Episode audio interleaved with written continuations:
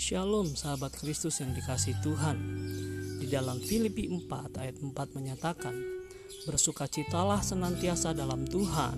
Sekali lagi kukatakan bersukacitalah. Di dalam bersukacita, kita tidak ditentukan oleh situasi. Karena bersukacita tidak dapat diukur dengan kelimpahan yang kita miliki atau kekurangan yang kita hadapi tetapi bersuka cita adalah pilihan kita di dalam hidup ini. Karena bersuka cita adalah sikap hati kita di hadapan Tuhan.